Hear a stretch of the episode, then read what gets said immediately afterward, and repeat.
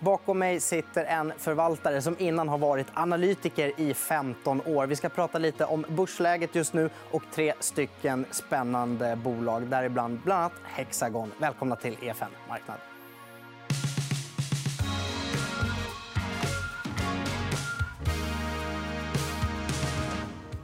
Ja, det rör sig om Johanna Ahlqvist. Välkommen. Tack så mycket. Eh, du är ju fondförvaltare nu på Kliens Fonder.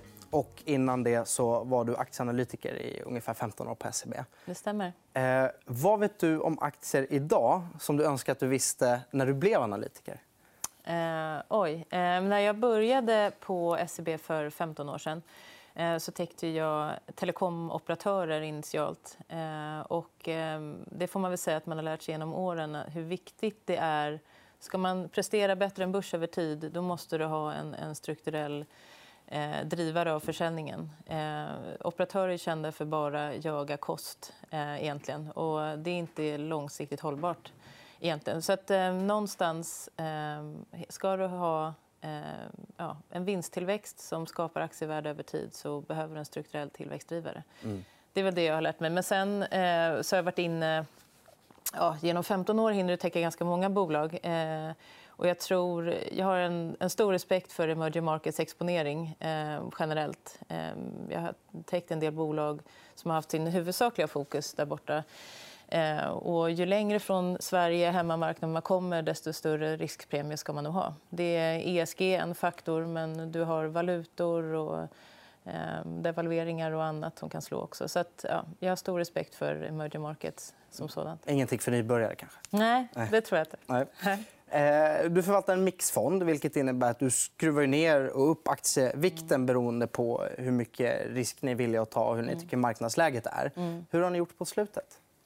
Ja, eh, om man tittar eh, strax innan det här kriget bröt ut då, eh, i slutet av februari ehm, så när det började bli lite mer oroligt så skruvade vi ner eh, aktievikten. Så vi hade faktiskt majoritet räntor där ett tag. Eh, och framförallt mycket kassa. Eh, sen så dök börsen ganska ordentligt. Jag tror vi bottnade där 8 mars. Något sånt där. Eh, och då fick vi ett läge tycker jag, att bygga på en del positioner som vi sålde av där i december när det var lite alla stjärnor stod rätt på börsen.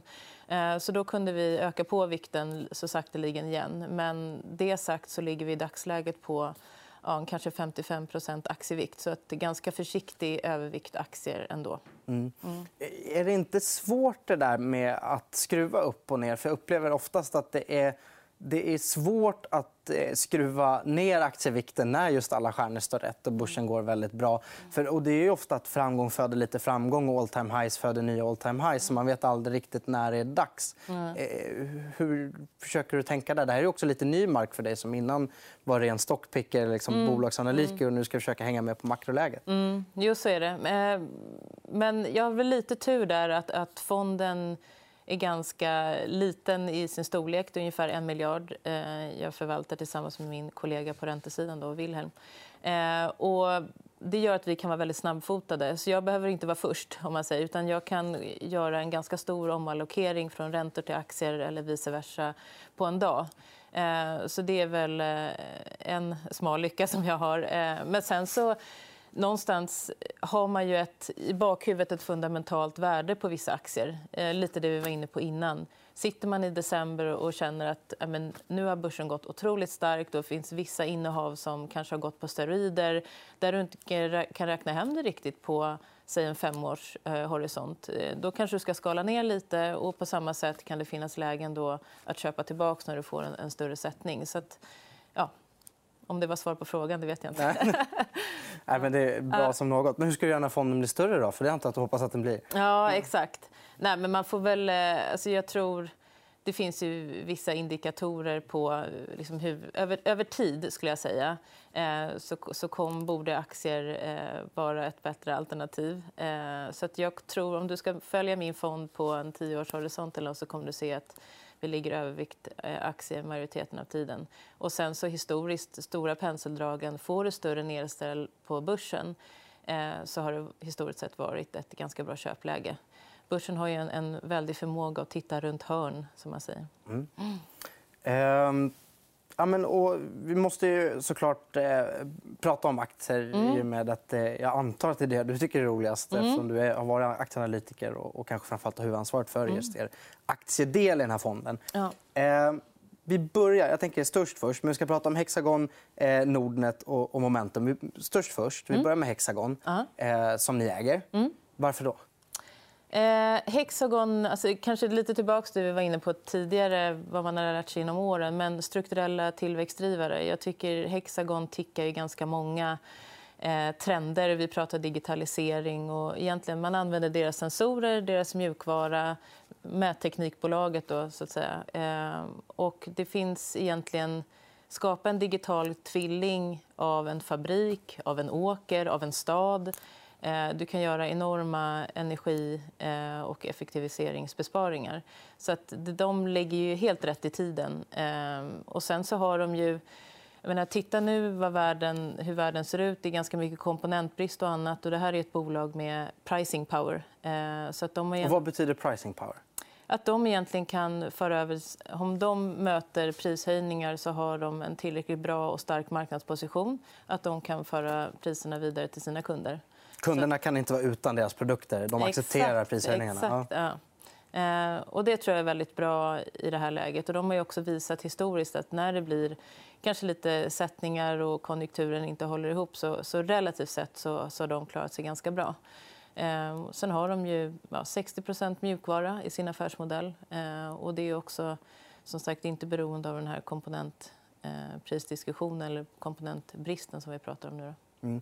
Att, de har den här pricing powern. Vi får ofta frågan från tittare men hur ska man tänka nu när det är hög inflation med sina aktieplaceringar. Mm. Jag antar att leta då bolag som snabbt och enkelt kan föra över ökade mm. kostnader på mm. sina kunder mm. är nåt man vill leta efter, så som då till exempel Hexagon. Mm, exakt. Och jag tror att eh, det här kommer nog bli väldigt tydligt, den här pricing powern vi pratar om i kommande rapportsäsong.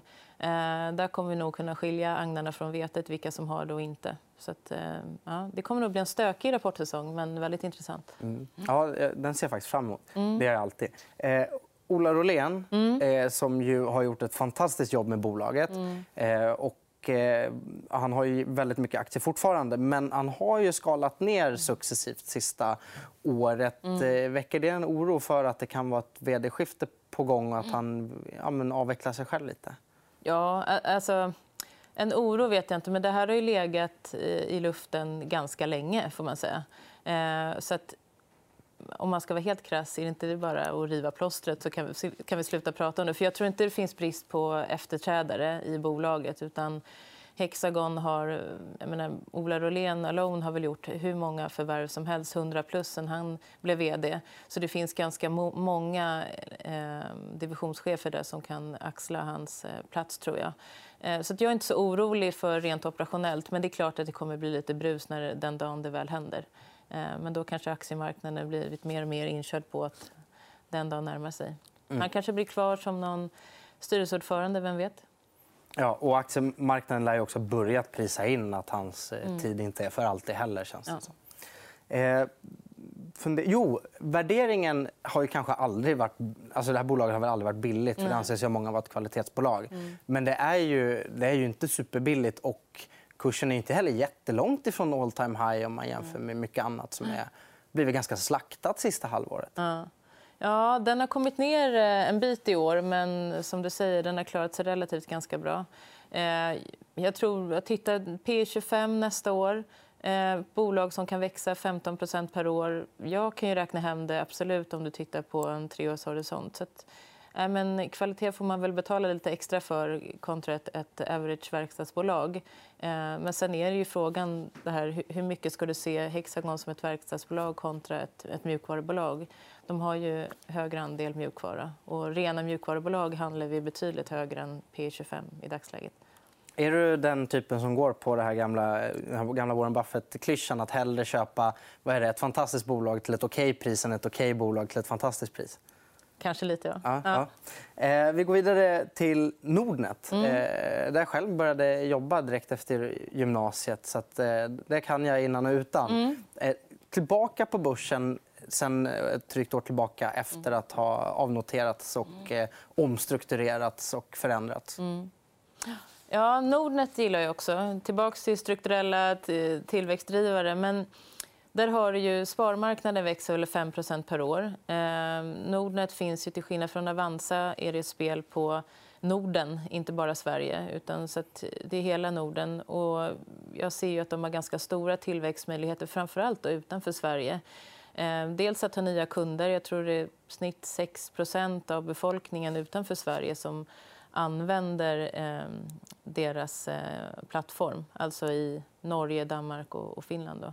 Eh, och sen så har de nya produkter. De lanserar någon livförsäkringsprodukt här i Danmark. Eh, eh, de har även andra pensionsprodukter och bolån. Så att jag tycker det finns många tillväxtben i Nordnet-caset. Eh, och om vi ska prata om att det blåser där ute och det är komponentbrist och det är inflation eh, och det är exponering eh, i diverse länder med högre risk, eh, då känns ju Nordnet väldigt safe, om man får säga så. Eh, det är liksom väldigt nära hemma eh, och de har de här strukturella tillväxtdrivarna som är lite oaktat vad som händer kanske i omvärlden. Mm. Så att, äh, men Nordnet gillar jag. Det känns som att övriga Norden inte har kommit lika långt när det gäller hur ska man förklara det? Men att det är folkligt att handla aktier. Och att äh, det känns som att Sverige har kommit längre där med att många redan är kund på en nischbank och, och handlar från mobilen mm. medan man kanske inte har kommit lika långt med det i Norden. Är det det som gör att det känns som att det finns mer tillväxt i de övriga nordiska länderna att hämta? Exakt, så är det. Och, och som sagt, de har ju en jättestark... Jag menar, Avanza har väl 80% marknadsandel i Sverige, så här är de lillebror.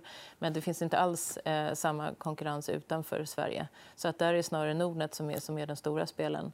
Ehm, även om de är, är liten i totalen. Så att säga. Och sen har du den andra aspekten av det. det är, räntan kommer ju komma upp, eh, även i Sverige. Försöker du binda ett lån nu på fem år så är det väl liksom 2,5. Från bara någon månad sen så var det dryga en. Så det går fort. Eh, och Nordnet med jag tror 20 av vinsterna är räntenetto. Eh, så de kommer ju ett spel på eh, högre ränteläge också.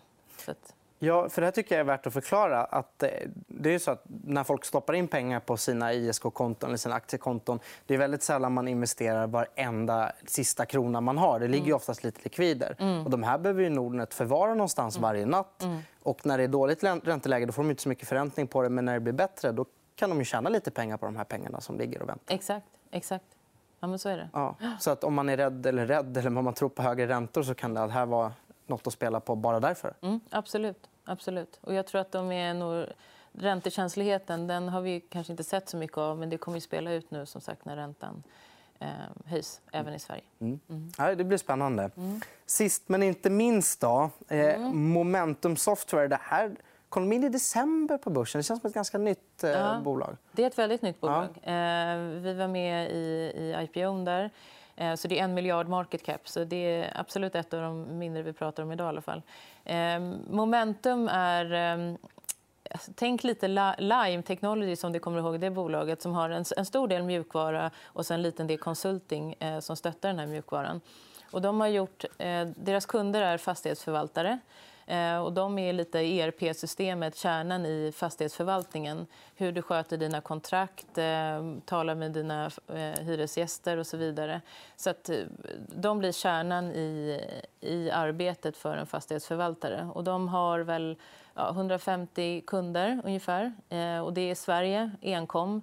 Om vi går tillbaka till den här, liksom, om man är orolig för vad världen är på väg och så vidare. Här är ett väldigt rock solid-bolag om man ska använda ett engelskt uttryck. Så att jag, eh, de växer med ungefär 20% per år. Eh, och de tar framför allt från legacy-spelare. Det är en prenumerationsbaserad modell. Eh, och sen så har de en liten consultingbit som stöttar den här prenumerationsbaserade modellen. Fina marginaler. Så det är ja, en fin tillväxtresa framöver tror jag man kan förvänta sig här till, i ganska stabil eh, miljö, både vad kunderna och vad gäller marknaden. Vad är en legacy-spelare?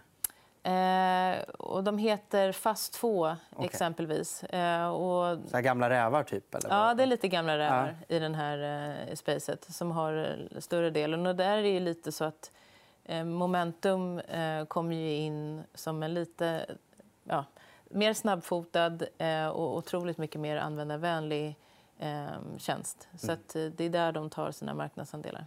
Om jag minns rätt så var det här lite av en klang och jubelnotering. Det gick ju väldigt bra efteråt. Men Mm. nu är de nästan tillbaka strax över vad- de noterades på. Det var väl över 100 spänn ett tag och nu Ja. det mot 60-70 kronor igen. Vad är det som har gjort att, har det bara varit det allmänna börsläget som har fått kursen att svalna av eller har det hänt någonting på vägen som, som marknaden blir besviken över? Nej, jag tror att som du säger, det är helt och hållet börsläget. Deras första rapport var eh, lite bättre än förväntat. Eh, deras, eh, man räknar ju årligt återkommande intäkter i såna här case eh, har ökat eh, ja, lite snabbare faktiskt och bättre än, än väntat. Så, att, så här långt så har de tickat alla boxar som ett börsnoterat bolag och den är väl 10% över noteringskurs. Så jag, det är ganska skönt ibland att det inte går för fort. Sen som sagt där i december så åktes den med hela börshistorin upp eh, och det är ganska låg omsättning i den här aktien får man ju komma ihåg också. Mm.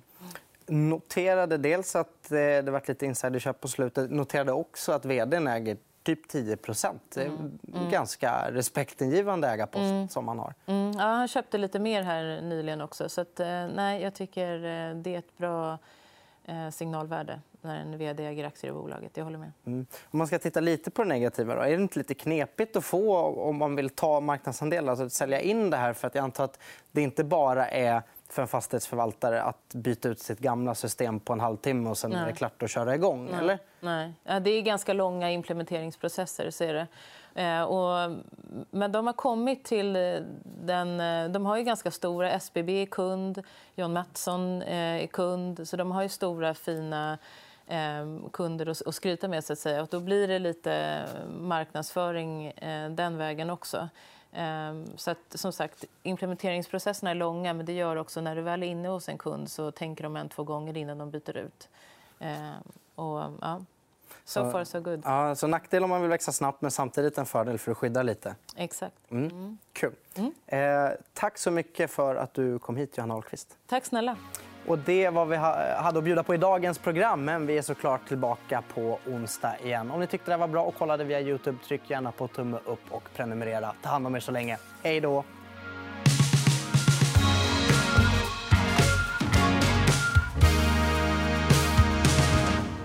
Du har lyssnat på EFN Marknad, en podd av EFN Ekonomikanalen. Mer om ekonomi och aktier finns på efn.se.